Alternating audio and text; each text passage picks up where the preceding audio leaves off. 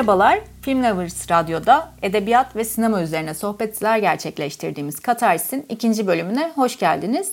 Ben Gülşah Özük, Ayça Yönyün ile birlikte sinemaya veya televizyona uyarlanmış edebi eserleri masaya yatırıp cevabı oldukça tartışmalı olan filmi mi yoksa kitabı mı daha iyi sorusunu irdeliyoruz. Ee, geçtiğimiz bölümde bir Netflix filmi olan The Devil The Time'ı konuşmuştuk. Bu bölümde yine bir Netflix yapımına yer veriyoruz.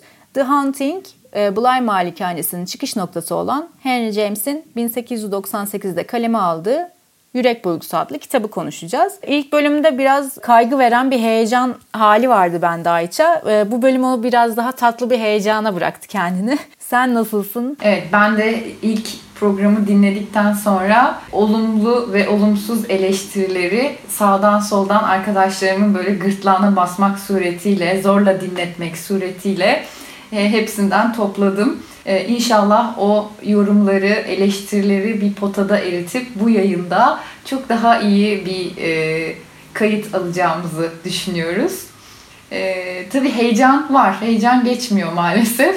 Heyecanın olması iyi bir şey sanırım ya. O geçmezse hep daha karşıya daha heyecanlı bir şeyin geçmesi iyi bence. Yani e, e, öyle diyebiliriz herhalde. e, bu hafta Henry James'in Yürek Burgusu'nu konuşacağız. Sen zaten e, İngiliz Edebiyatı mezunu olduğun için bu kitabı bayağı bir incelemiş ve irdelemişsindir diye tahmin ediyorum ki konuşmalarımızdan da öyle anladım. Hem kitabın biraz açılışından bahsetmek, özetinden bahsetmek ister misin? Bu kitap benim için çok özel. Çünkü şöyle benim okuduğum ilk İngilizce kitap. Daha doğrusu yani bölümü kazandığımda hazırlık okudum ben. 2006 yılında okuduğumuz ilk kitaptı bu. Kitap eleştirisi, e, bu metinler arası okuma konusuna giriş yaptığımız ilk kitaptı ve dolayısıyla benim için özel bir yeri var. Zor bir kitap, okuması çok kolay bir kitap değil. E, Amerika doğumlu İngiliz vatandaşı Henry James e, kaleme alıyor ve 1898'de yazıyor bu kitabı. 120 yıldan fazla zamandır da etkisini yitirmeden süre gelmiş bir kitap. Bir mürebbiyenin başından geçen bir hayalet hikayesini konu alıyor. Anne ve babasını yitirmiş, amcalarının vesayeti altında yaşayan iki küçük e, çocuğa bakmak için işe alınan bir mürebbiyenin Bly Malikanesinde yaşadıklarını kendi el yazmalarından oluşan e, bir hikaye konu alan bir hikaye. Bu hikaye hem döneminde hem de günümüzde dediğim gibi hala ses getirmeyi başarıyor. Yaklaşık dört tane e, filmi var sanırım. Yani biraz araştırdım ama 4 ya da 5 tane filme zaten konu olmuş. Evet evet bayağı uyarlaması var. Yani sadece film değil işte az sonra konuşacağımız dizi uyarlaması da var. E, popüler bir hikaye çünkü yani korku hikayeleri genelde e, etkili olduklarında gücü ellerinde tutmayı başarabiliyorlar. Bu da onlardan bir tanesi. E, kitapta ismini bilmediğimiz e, mürebbiye olarak andığımız 20 yaşında genç bir kadın var. Bu kadın bin bir türlü hayalle Bly Malikanesine geliyor ve onu çok güzel bir hayatın beklediğine inandırıyor kendisini. Fakat çok geçmeden çocuklara musallat olduklarını öğrendiğimiz hayaletlerin varlığını keşfedince aslında hiçbir şeyin göründüğü gibi olmadığını anlıyor ve kendisi için e, zorlu bir kahramanlık savaşına girişiyor. Kısaca aslında özeti bu şekilde kitabın. Şey söyleyecektim. Bu giriş bölümleri üzerine bir şey söylemek istiyorum. Çünkü bundan e, Henry James'in Yürek Burgusu'ndan hemen önce Çehov'un Avda Trajedisini okumuştum. O da gene bir giriş bölümüyle açılıyor. Orada da bir sorgu yargıcı bir yayın evine gidiyor ve bir kitap bastırmak istiyor. Sonra bu sorgu yargıcıyla editörün arasındaki diyaloğu giriş bölümünde görüyoruz. Araya gene birinci tekil şahıstan avdaki trajedi hikayesini okuyoruz. Sorgu yargıcının yazdığı ve hikaye gene bir cinayet işliyor. Gene bir gizem var ortada. Bu çözüldü mü çözülmedi mi bunu gene kitabın sonunda en başa dönerek sorgu yargıcı ve editörü birleştiriyor ve böyle çözüyor bize olayı. Yani kim işledi cinayeti, nasıl oldu bu gizemi okuyucuya e, açık bir kapı bırakmadan çözüyor Çehov. Şimdi tam sonradan Henry James'i okuyunca ve bir giriş bölümü görünce herhalde dedim kitabın sonunda tekrar bir o hortlak hikayesinin anlatıldığı arkadaş grubuna geri döneceğiz ve bu kızın yaşadıkları rüya mıydı yoksa gerçek miydi? Çünkü ben doğaüstü şeylere inandığım için gerçek de olabileceğini düşünüyorum. De çözeceğiz dedim ama biraz açıkta bırakan bir yapısı var kitabın. Burada şöyle bir şey var. Bu isimsiz anlatıcı yani Douglas'tan Douglas öldükten sonra yazılı hikayeyi devralan isimsiz anlatıcının Henry James olduğuna dair bazı iddialar var bir takım kaynaklarda. Çünkü şöyle bir e, sohbet geçiyor aralarında. Dinleyicilerden bir tanesi diyor ki kitabın adı ne? Yani bu hikayenin adı ne? Başlığı ne? diye soruyor. Douglas da diyor ki ben bir başlık koymadım diyor. Burada da isimsiz hikayeyi anlatıcısı e, araya giriyor ve diyor ki tamam sen anlat benim bir başlığım var. Bu cümleden dolayı bir takım az önce de dediğim gibi kaynaklar bu hikayenin anlatıcısının aslında Henry James'in bizzat kendisi olduğunu bize söylüyor. Hikayeye başlıkta koymuş ve biliyor olacakları şeklinde. Bu şekilde anlatıcının olması aslında daha doğrusu kitapta yazılı el yazmasından yani genç kadının el yazmalarından okuduğumuz hikaye birazcık senin de dediğin gibi bizi muallakta bırakıyor. Yani bunlar gerçekten yaşandı mı?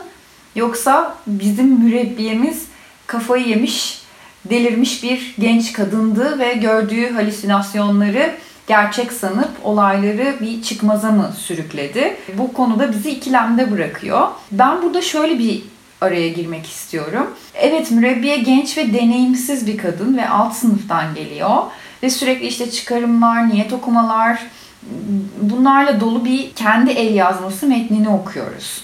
İşte çocukların amcalarıyla mesela iki kez sadece karşılaşıyor ama e, adama aşık olduğunu anlıyoruz yazdıklarından. Sonrasında işte çocukları ilk görüşünde onlara vurulurcasına metiyeler düzüyor. işte kutsal ve meleksi özellikleriyle mükemmele yakın şekilde tasvir ediyor. Fakat ilerleyen sayfalarda çocukların davranışlarından, sözlerinden sürekli böyle kendisine yönelik bir takım planları, arkasından iş çevirdiklerine dair şüpheleri oluyor. Farklı anlamlar arıyor. Sonra yine akabinde başka bir olay yaşanıyor ve diyor ki ah işte ben ne yapmışım bunlar aslında melek gibi çocuklarmış. Bunlar asla yaramaz vesaire olamazlar diyor. E, bu, bu kısımlar modern okuyucu için çok hani dengesiz ve sebebini anlamakta güçlük çekeceği bir yaklaşım olabilir. Oluyor da zaten. Yani böyle okurken hep şeyi sorguluyoruz. Üf bu kadın niye böyle yapıyor ki yani bunun hani kolayı var. Atıyorum dönüp arkasına gidebilir, çekip çocukları konuşabilir. İşte bu olayı amcaya bir mektup yazıp anlatabilir. Bunları neden yapmıyor gibi hep böyle bir mantıksal çıkarım e, mantıksal sebepler arıyoruz. Fakat ben burada işte dediğim gibi biraz kitabın yazıldığı dönemden bahsetmek istiyorum. Yani bu altyapısı, toplumsal yaklaşımlarıyla ilgili o arka plandaki şeyleri bilirsek bunlar biraz daha anlamlanıyor ve neden ve nasıllarıyla ilgili biz de hak verebiliyoruz mürebbiyeye. 1854 yılında yani Victoria dönemi olarak İngiltere'de adlandırılan zamanda Coventry Petmore isimli bir şair sonradan çok tartışma yaratacak bir şiir yazıyor. Şiirin adı The Angel in the House. Yani evdeki melek olarak çevirebiliriz bunu. E, Petmore şiiri aslında karısı Emily'ye ithafen yazıyor ve onun ne kadar mükemmel bir eş, harika bir anne, bir ahlak timsali olduğundan bahsederek onu övüyor da övüyor. Önce işte kısaca bir bekar hayatından, maceralarından bahsediyor. Sonra Emily ile tanışınca evleneceği kadını bulduğunu anlıyor. Erkek ve kadını bir kürenin iki yarısı olarak ele alıyor. İşte diyor ki kadının kapladığı yarım küre evin içini, çocukların bakımını, aile hayatını, bir takım böyle değerleri kapsayan saf ve el değmemiş böyle meleklerin alanı gibi bir yerdedir diyor. Erkeklerin kapladığı diğer yarım küre ise evin dışındaki hayatı, daha karmaşık işleri çözebilme yeteneklerini ve daha fiziksel bir dünyayı konu alıyor. Düşününce de aslında hani ülkemizde hala alışık olduğumuz bu toplumsal yani alışık demeyeyim de görmeyi çok alıştığımız e, toplumsal cinsiyet rollerine çok da uzak bir anlayış değil bu aslında. Yani bu dönemde yaşayan işte kadınlar erkeklerinin Tanrı'ya yaklaşmalarını sağlayan ahlaki pusulalar olarak görülüyorlar. Çok erdemli, çok işte e, yüce varlıklar. Piyano çalmak üzere eğitim alıyorlar ki işte akşamları eşleri geldiğinde çalıp onları eğlendirebilsinler. Güzel sanatlar okuyorlar, çocuklarını iyi eğitebilsinler diye. İğne oyası öğreniyorlar, işte evi süsleyip e, düzenleyebilsinler diye. Yani dış dünya onlara göre değil ve yaşanan herhangi bir olayda da böyle azıcık bir üzer, üzerlerine gelen bir durum olduğunda hemen böyle bayılan ve histerik olmakla yaftalanan kadınları görüyoruz. Ee, işte bu bağlamda da yani tekrar kitaptaki karaktere dönersek Mürebbiye'nin hareketlerini, amcasıyla ilgili o yarattığı romantik fantastik dünyayı, e, niyet okumalarını e, ve bunların altında yatan sebepleri ben daha iyi kavrayabileceğimizi düşünüyorum. Ee, ben katılıyorum bu arada. Yazılan eseri dönemine bakarak değerlendirmek gerekiyor bence de. O yüzden ben okurken şu anki işte modern hayat görüşümle okumaktansa böyle o dönemlere gidip işte o kadının Bayan Gross'la evdeki diğer hizmetliyle olan diyaloglarında birbirlerine açık açık konuşamadıkları o naif hali bile çok sevdim. Yani işte manipüle ediyor mu? O işte Peter karakteri çocukları manipüle mi ediyor? Ona dokunuyor mu? Hani o kadar her şeyden utanıyorlar, sıkılıyorlar ki açık açık bir şeyleri konuşabilmek bile o dönem için e, yeterince nazik bir hareket değil. O yüzden böyle konuşmalarında ki o işte samimiyet, sadelik, böyle dur, durgunluk, o donukluk benim çok hoşuma gitti. Hatta böyle o korku figürünü hissetmem de sanırım bu sadelikten dolayı oldu. Yani hiç bize oradan bir şey çıktı, buradan hortlak gördüm, buradan bir şey gördüm gibi değil de işte o küçük çocuğun hemen mürebbiyenin arkasındaki çerçeveye odaklanmış olması üzerine yazmış mesela ve çocuğun gözlerini anlatmış sadece. Gözlerinin nereye odaklandığını anlatmış vesaire. O böyle hep karanlıkta cisimler görürüz ya. Yani bilmiyorum bana oluyor ya da görmeyi umarız ya da ondan korkarız böyle işte ışıkları yaka yaka tuvalete gideriz falan. Hani o hissi çok iyi algıladım. Ama tabii kitaptaki kadının gerçekten hortlak görüp görmemesi üzerine düşünecek olursam ben bunu iki yönlü görüyorum. Gerçekten o kadının senin de bahsettiğin gibi o dönemin ait olduğu yerdeki sıkışmışlığı, kadının yapabilecekleri ve yapamayacakları üzerine verilen belli başlı empoze edilen şeyler var. Hala da olduğu gibi maalesef. Yani bunlardan o kadar yorulmuş ki çocuklara bakma görevini üst düzey bir görev olarak anlatmış ve hep yetememe, ben bu çocuklara yetemiyorum, yapamıyorum üzerindeki o baskıyla olmayan insan silüetleri görerek bilinçaltı onu böyle bir dışarı çıkarma yapmış gibi Tabii yani 20 yaşında bir de düşünürsek e, deneyimsiz, alt sınıftan bir e, aileden geliyor. Dolayısıyla bir anda üzerine aldığı şey iki çocuğun sorumluluğu ve amca diyor ki ne olursa olsun beni aramayacaksın, kendin çözeceksin. Başlangıçta böyle o çok her şey şey gibi gidecek sanıyor. Tıkır tıkır ilerleyecek ne var ki gibi yaklaşıyor. Ama sonra işte senin de bahsettiğin gibi bir takım zorluklar başlayınca işte okuldan mektup gelince Miles'la ilgili böyle şeyler olunca anlıyor ki aslında pabuç pahalı. Bu arada hani ebeveyn değilim ama hani belki sen burada sözü alabilirsin. Ama o anne baba olma halinde gelen sorumluluk ve onunla başa çıkabilme mücadelesi açısından da okuduğumda birazcık günümüzde de uyarlanabilir bir o sıkışmışlık hali varmış gibi. Daha fazla hani üzerine konuşabileceğim bir bilgiye sahip değilim ama etrafımda gördüğüm kadarıyla gerçekten anne olduğunda ki mürebbiyeyi orada çocukların annesi gibi görebilir görecek olursak yete, yetememe düşüncesiyle başa çıkmak çok zormuş gibi. Yetiyorsun aslında ona yeterince sevgi veriyorsun, işte öğününü veriyorsun falan ama hep bir daha fazlasını verme mücadelesi varmış gibi geliyor bana. E tabii çünkü şöyle yani az önce bahsettiğim dönemsel özellikler günümüzde de çok değişmedi. Hala daha toplum anneden çok fazla şey bekliyor. Yani iyi bir çocuk yetiştirmesini bekliyor. Evinde e, düzeni sağlamasını, evini temiz tutmasını, işte evine akşam kocası geldiğinde bir tabak yemek koymasını gibi bu tarz şeyler hala daha çok geleneksel olsa da beklenen ve kadınlara dayatılan şeyler. Her ne kadar işte bunu kırmaya çalışan bir takım yaklaşımlar, bir takım görüşler gelişmiş olsa da çıkamıyorsun bunun içerisinden. Hele de çocuğun olduğu zaman ciddi bir sorumluluk üzerine almış oluyorsun. Çünkü bir insan yetiştireceksin ve e, kadın olarak daha fazla üzerine sorumluluk alıyorsun. Tamam ben yaparım, ben büyütürüm, ben işte en iyisini yapmalıyım şöyle gibi bir noktaya giriyorsun dışarıdan da gelen bu baskıyla. E, dolayısıyla hani onun bir yerde yetemediğini anladığı zaman bunu ya kabulleniyorsun ya da işte bizim mürebbiyede olduğu gibi deliriyorsun, Deliriyorsun. yani. Başka yerlerden başka şeyler görmeye başlıyorsun. Evet o açıdan bence günümüze uyarlanmış hali üzerine belki birazcık konuşabiliriz. Ee, ben izlerken sanki ya ben kitabı yanlış mı okudum gibi ikilemlerde kaldığım oldu yani. Çünkü çok bir gecede okudum ve biraz korkarak da okudum hakikaten ürpererek. O yüzden böyle arada gözümü kapattığım falan anlar oldu.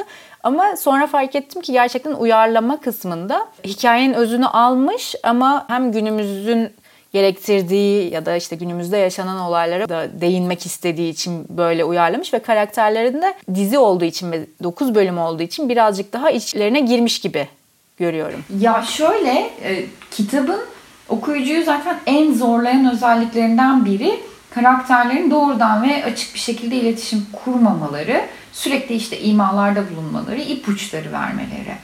Ve dolayısıyla işte bu şeyi sürekli yaşıyoruz. Yani diziye dönersek dizide bölümler arası akışı koruyarak yapılan bir takım eklentiler var kitaptan hariç. Ve bunlar hani daha korku janrının kalıplarına göre biraz daha yani ana akım izleyiciyi de düşünerek yapılmış şeyler ve yepyeni bir hikaye yaratan başka bir e, yolu da var dizinin. Dolayısıyla işte Malikane'nin o lanetli geçmişini açığa çıkarması e, bu hikayede izlediğimiz o göldeki kadın imgesi bölümler aktıkça böyle küçük bir detay olmaktan çıkıp biraz biraz hikayenin dümenine geçiyor. Aslında hani bu hikayenin neden buralara geldiğini bize anlatıyor. E, ben bu, bu eklemeleri ve bu yaklaşımı çok hani sevdim açıkçası. Çünkü yani birebir uygulansaydı kitap yani okuyucuda olduğu gibi modern izleyicide de böyle bu buhranlara sebep olabilirdi hikayenin içeriği. Bu noktada da yani hikayeyi daha çekici, daha ürkütücü ve izleyiciyi daha içine alır hale getirmek için ben çok doğru eklemeler yapıldığını düşünüyorum. İlk sezon başka bir hikaye izledik Hill House'da.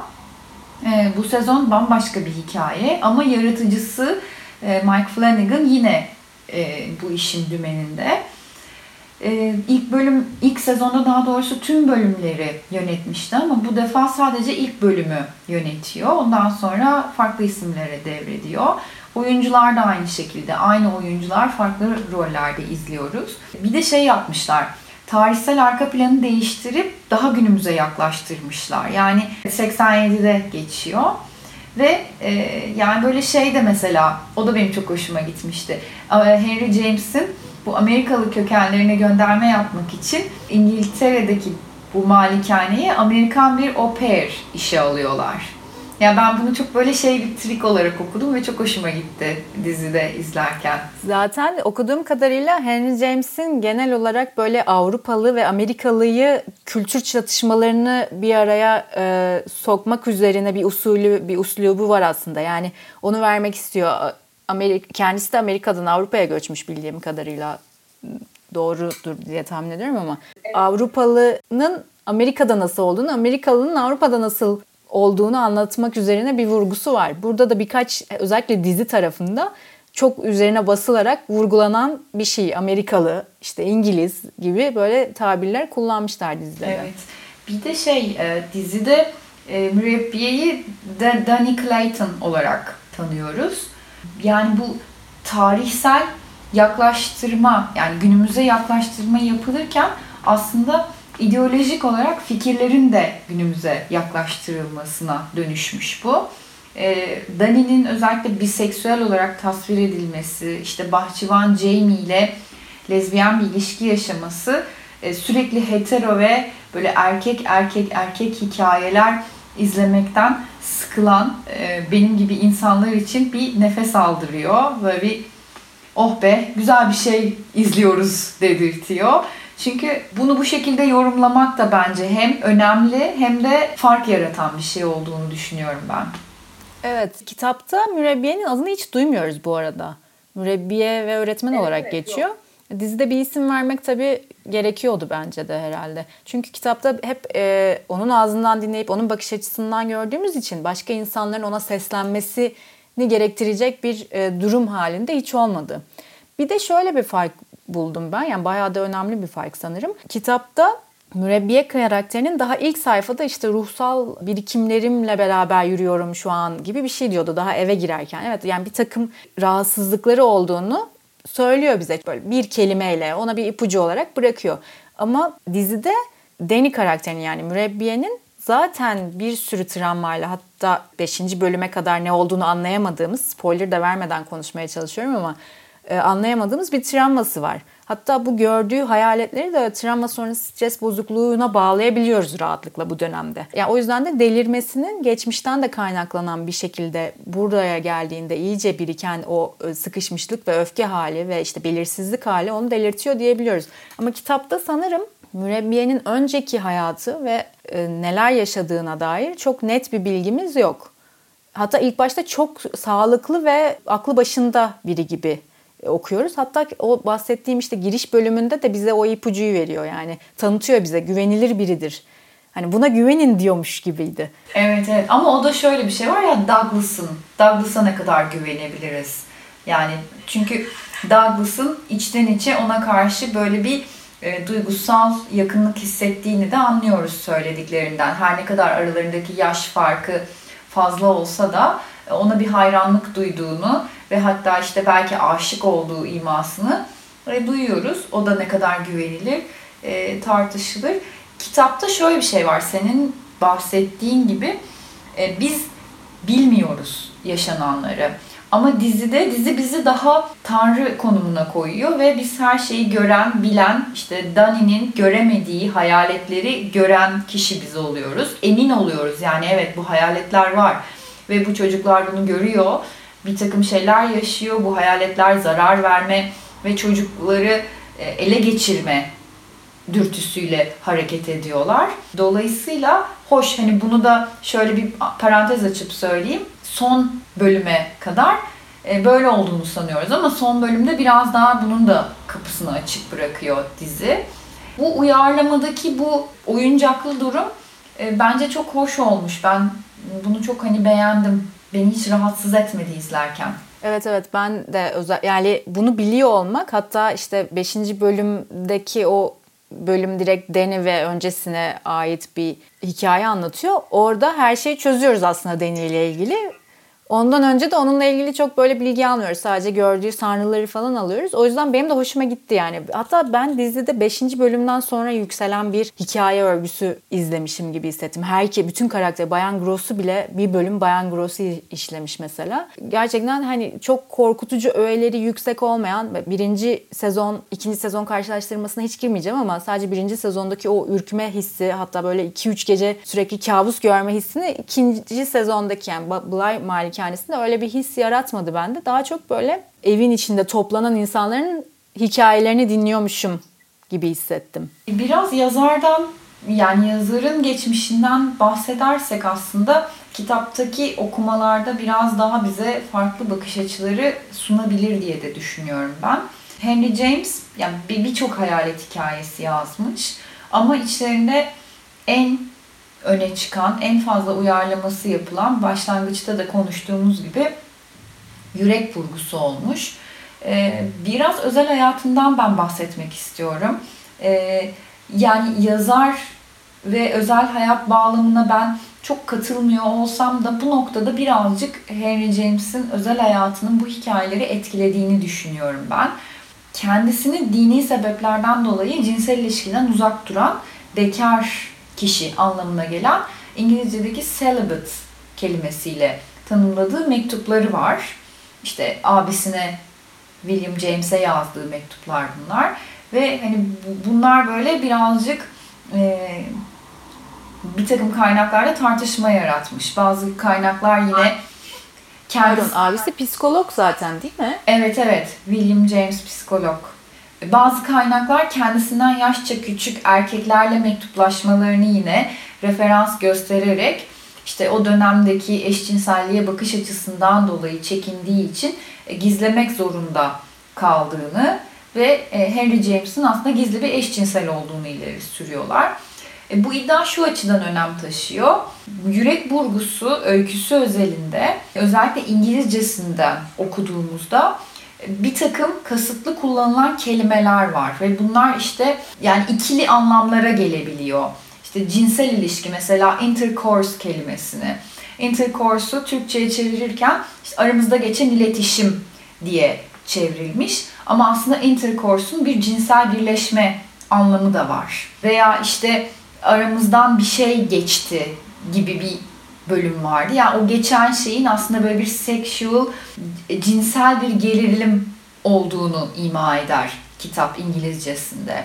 Dolayısıyla bunları biraz özellikle yaptığını Henry James'in görebiliyoruz. Bazı kaynaklar bunun biraz fazla okuma olduğunu söylüyor ama ben katılmıyorum. Ben hani bunu, bunu özellikle yaptığını, Henry James gibi bir adamın bu kadar hani eserler ortaya koymuş bir adamın bunları oraya alelade aman ben buraya da bu kelimeyi yazayım diyerek yazmadığına ben inan, inanmıyorum açıkçası. Bir de şey e, kitabın orijinal ismi Turn of the Screw. E, aslında onun da Türkçe'ye çevirdiğimizde bir deyim olduğu için mevcutta zaten kötü olan bir durumu daha da kötü hale getirmek gibi bir açılımı varmış. Aslında dediğin gibi Türkçe İngilizce karşılaştırmasına baktığımız zaman biraz kitapla ilgili ipucu vermiş ve senin dediğin şeylere şu an hani katılıyorum çünkü bence nokta atışı oralara hep kitabın her yerine bir şekilde bize e, takip edeceğimiz adımlar bırakmış gibi okuyorum çünkü. Evet mesela işte Türkçesinde de bunu biraz aslında şuradan da hissedebiliyoruz. Son bölümde Miles e, mektubu aldın mı ne yaptın gibi o mürebbiye ile aralarında geçen sohbet yani diyalogta e, şey diyor yani sırrını hoşlandıklarına açıkladığını söylüyor. Kime söyledin diyor. Hoşlandıklarıma diyor. E, bir erkek lisesinde, erkek okulunda okuyan bir çocuğun hani bu hoşlandıklarıma kelimesi neden hani arkadaşlarıma değil de hoşlandıklarıma diyor. E, bu da hani orada aslında e, erkeklerden mi hoşlanıyor iması gibi e, okumalar var.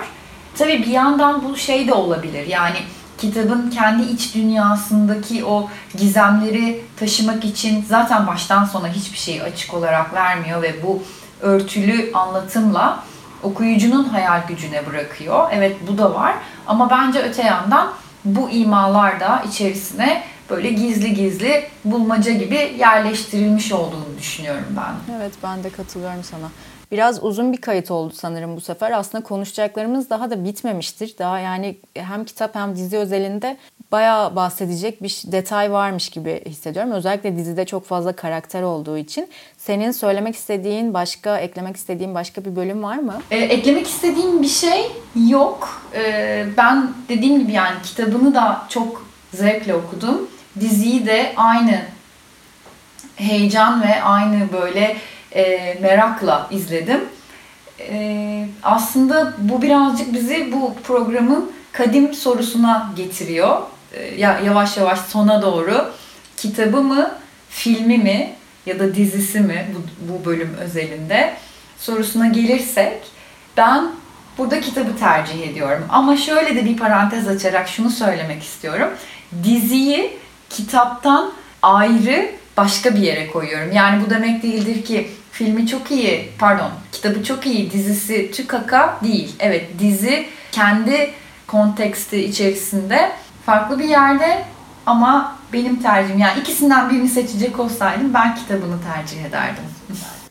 Ben de kitabı da, kitaptan yana kullanıyorum oyumu. Çünkü oradaki o sadelik, o akış, anlatış biçiminin o tatlılığı beni gerçekten çok etkiledi. Çok da ürktüm. Ee, çok da severek okudum ve tekrar da okumak isteyeceğim bir şey. Bu çok önemli bence. Hani tekrar tekrar okuyabilirmişim gibi hissediyorum. Çünkü tek sonradan tekrar elime aldığımda böyle bir sayfasını açtım ve böyle kendimi kaptırmış bir şekilde bir sayfa daha okumuş buldum kendimi. Devam da edebilirdim. Ee, diziyi beğendim ama bu e, kadim sorumuzu kitap olarak cevaplıyorum. O zaman bölümümüzün sonuna gelmişken bizi buraya kadar dinlemiş olan e, dinleyicilerimize teşekkür ediyoruz. Teşekkür ederiz. Önümüzdeki bölümde görüşmek üzere diyoruz. Görüşmek üzere, hoşçakalın. Hoşçakalın.